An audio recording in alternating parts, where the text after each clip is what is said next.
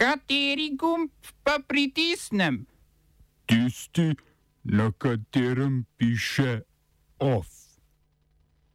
Pa zdaj vsi nabijajo po, po uh, medijih, kako smo mi dobili nek hudnar. Nismo dobili.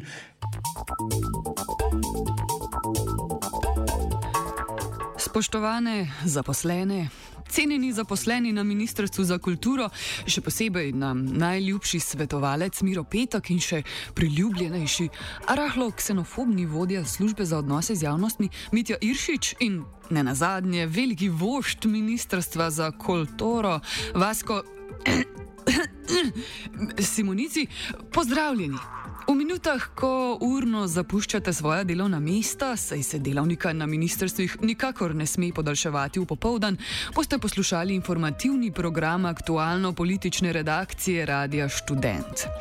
Prav temu programu ste med drugimi odrekli financiranje, medtem ko ste ga dodelili medijem, ki vas in vašega denarja sploh ne cenijo.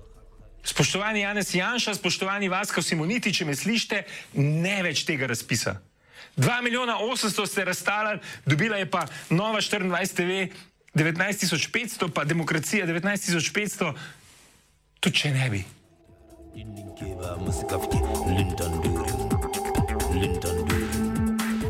Salvador kot zakonito plačilno valuto sprejel Bitcoin.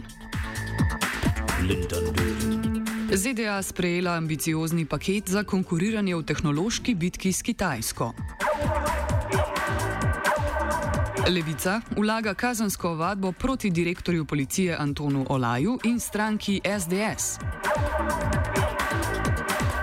V krofu o potencijalu nanodelcev za zdravljenje koronavirusa.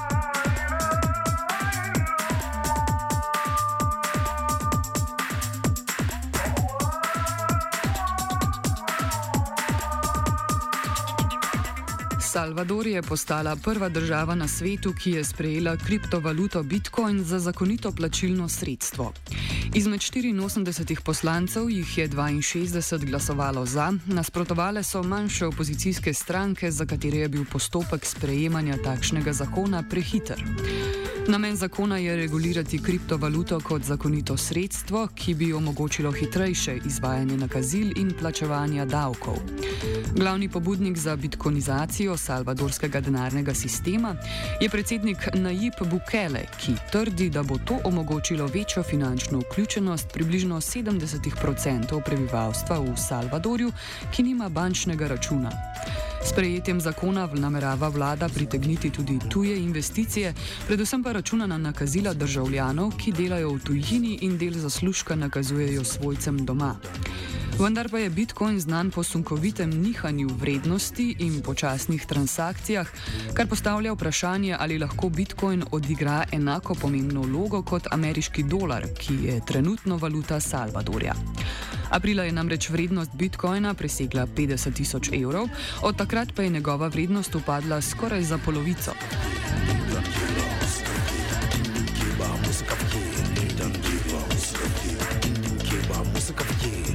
Ameriški senat je sprejel zakonodajni paket, ambiciozno poimenovan kar zakon o neskončnih mejah, s katerim bi državi omogočil konkurirati s Kitajsko v tehnološko-ekonomski bitki. Z ukrepom bodo ZDA vložile približno 156 milijard evrov za krepitev lastne tehnologije v namene za raziskovanje, od tega pa bi za industrijo mikročipov ločeno zapravili približno 44 milijard evrov. Podobno kot to že počne Peking, bo sedaj tudi Washington neposredno finančno podpiral razvoj tehnologij, kot so umetna inteligenca in kvantno računalništvo. Poleg tega bo zakon omejil trgovanje s kitajskimi podjetji, prepovedal kupovanje dronov in prenos kitajske aplikacije TikTok zvezdnim uslužbencem na vladne naprave. Kitajska se je na zakonski predlog odzvala ogorčeno in meni, da ta ponazarja paranoično naravo ZDA in njeno agendo America First, za katero je v neto stal prejšnji predsednik Donald Trump.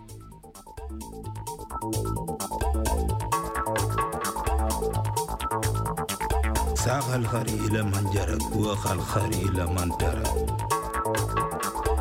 Ostajamo v Washingtonu.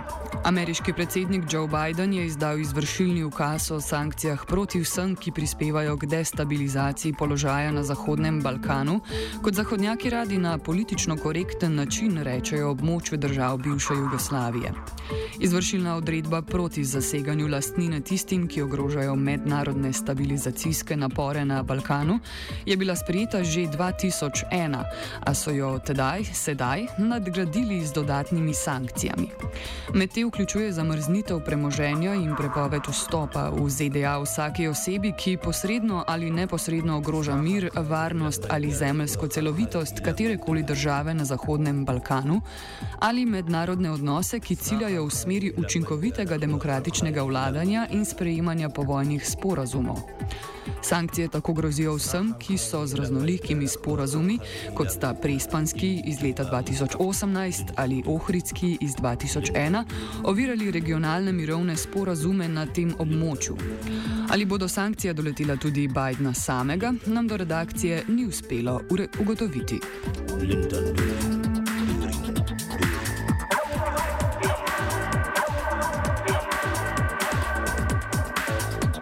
Mednarodno kazansko sodišče je potrdilo prvo stopensko sodbo izpred štirih let in tako nekdanjega poveljnika sil Republike Srpske Radka Mladiča obsodilo na dosmrtno kazen. Spoznalo ga je krivega v desetih od enajstih točk obtožnice.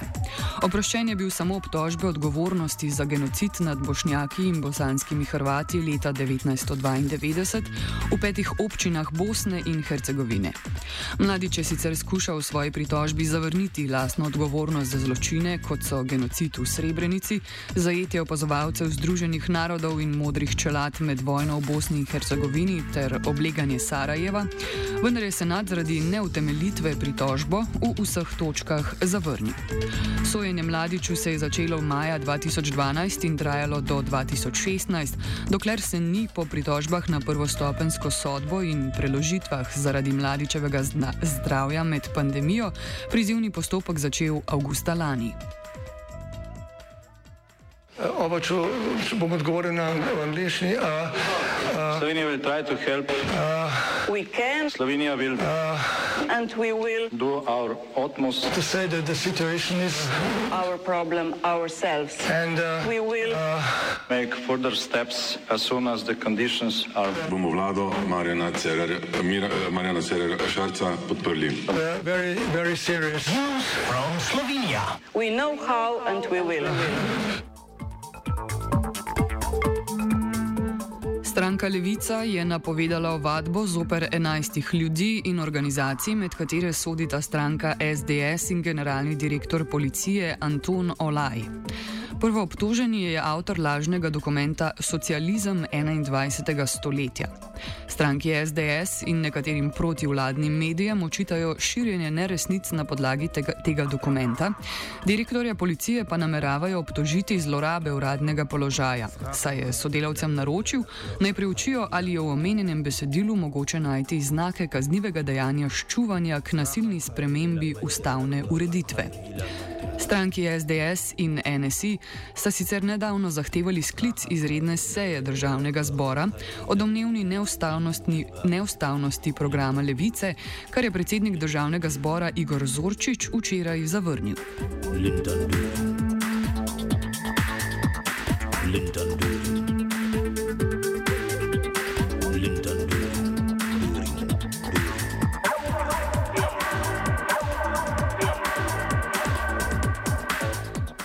Slovenija si v zadnjih dneh prizadeva za krepitev mednarodnih odnosov, še zlasti z državami v ali bližini Tihega oceana.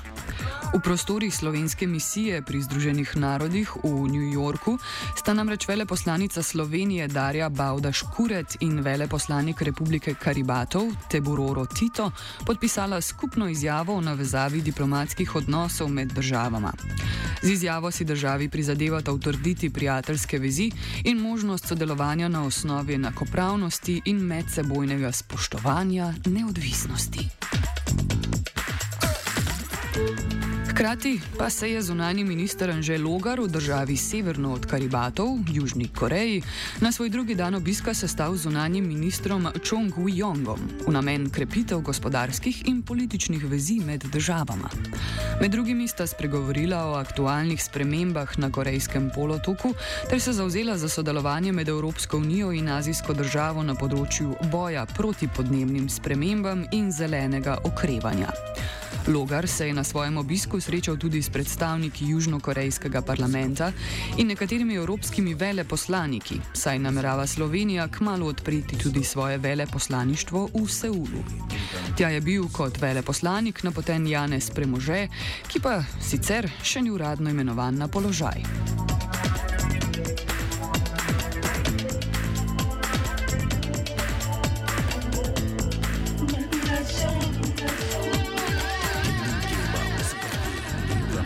Medije in kulturo na trg so pred časom klicali najklenejši sinovi slovenskega naroda, ki jih ni sram razkriti svojih kolaborantskih, še več neonacističnih simbolov, rumeni jopiči, v javnosti bolj znani kot nedojebani fantiči iz okolice Ljubljane, ki jim v osnovni šoli nihče ni želel podati žoge. Še pred usklikanjem neoliberalnih gesel so se spomnili, da prav njihov medij, tako imenovana nacionalna tiskovna agencija pod urednikovanjem Aleša kolaborantu Ljuba Ernecla, ni zmožna na trgu pridobiti dovolj sredstev za svoj milo rečeno skromen, a z vaskovimi besedami, šibek program. Odločili so se ustanoviti nevladno organizacijo, desničari pa v jok in na drevo, in jo poimenovali Društvo za promocijo tradicionalnih vrednot, ki jo zastopa Urban Purgar, najslavnejši med vsemi rumenimi jopičnaki. Še več. Nevladna organizacija Društvo za promocijo tradicionalnih vrednot se je brez pretiranega opiranja odločila, da bo sodelovala pri sorošoidnem nabiranju javnega denarja namenjenega interesom globalističnih judeo-komunistov, saj jim je Ministrstvo za kulturo podelilo status nevladne organizacije v javnem interesu na področju kulture. Društvo je sicer prijavljeno na naslovu Mestni trg 10 v Ljubljani, kjer čisto slučajno deluje podjetje za vezenje personificiranih prtičkov Verona pod lastniško in direktorsko oblastjo Andreja Okorna, prvega govorca neonacističnih rumenih jopičev in nekdanjega vodje ksenofobne skupine dijakov, tu je Slovenija. Spoštovana vlada, zdaj pa mi, mi pravi, ne kritiziram vlade, kritiziram kulturno ministrstvo, kritiziram vlado, ukinite ta razpis. Ukinite ta razpis, ki je namenjen samo za podpiranje lenuhom.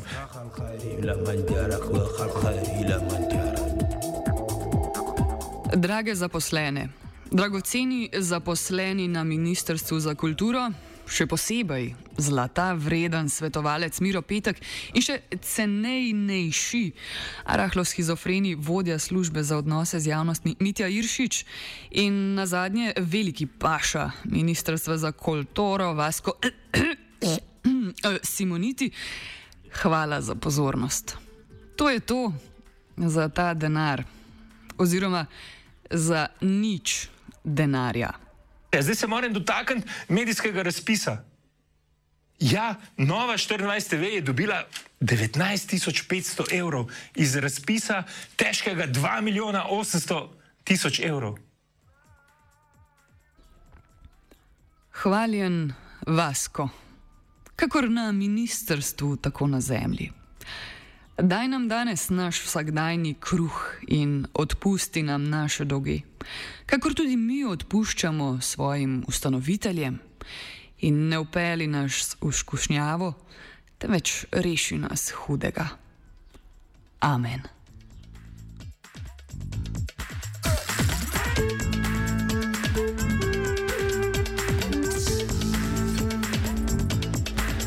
Off sta brez honorarja, ker ga El Hefe Vasko ne da, pripravila vajenka Hanna in navajenec Virant. Mi bomo preživeli, ker do zdaj nismo dobili, tudi če ga ne bomo nikoli. Ukinite medijski razpis. Prosim.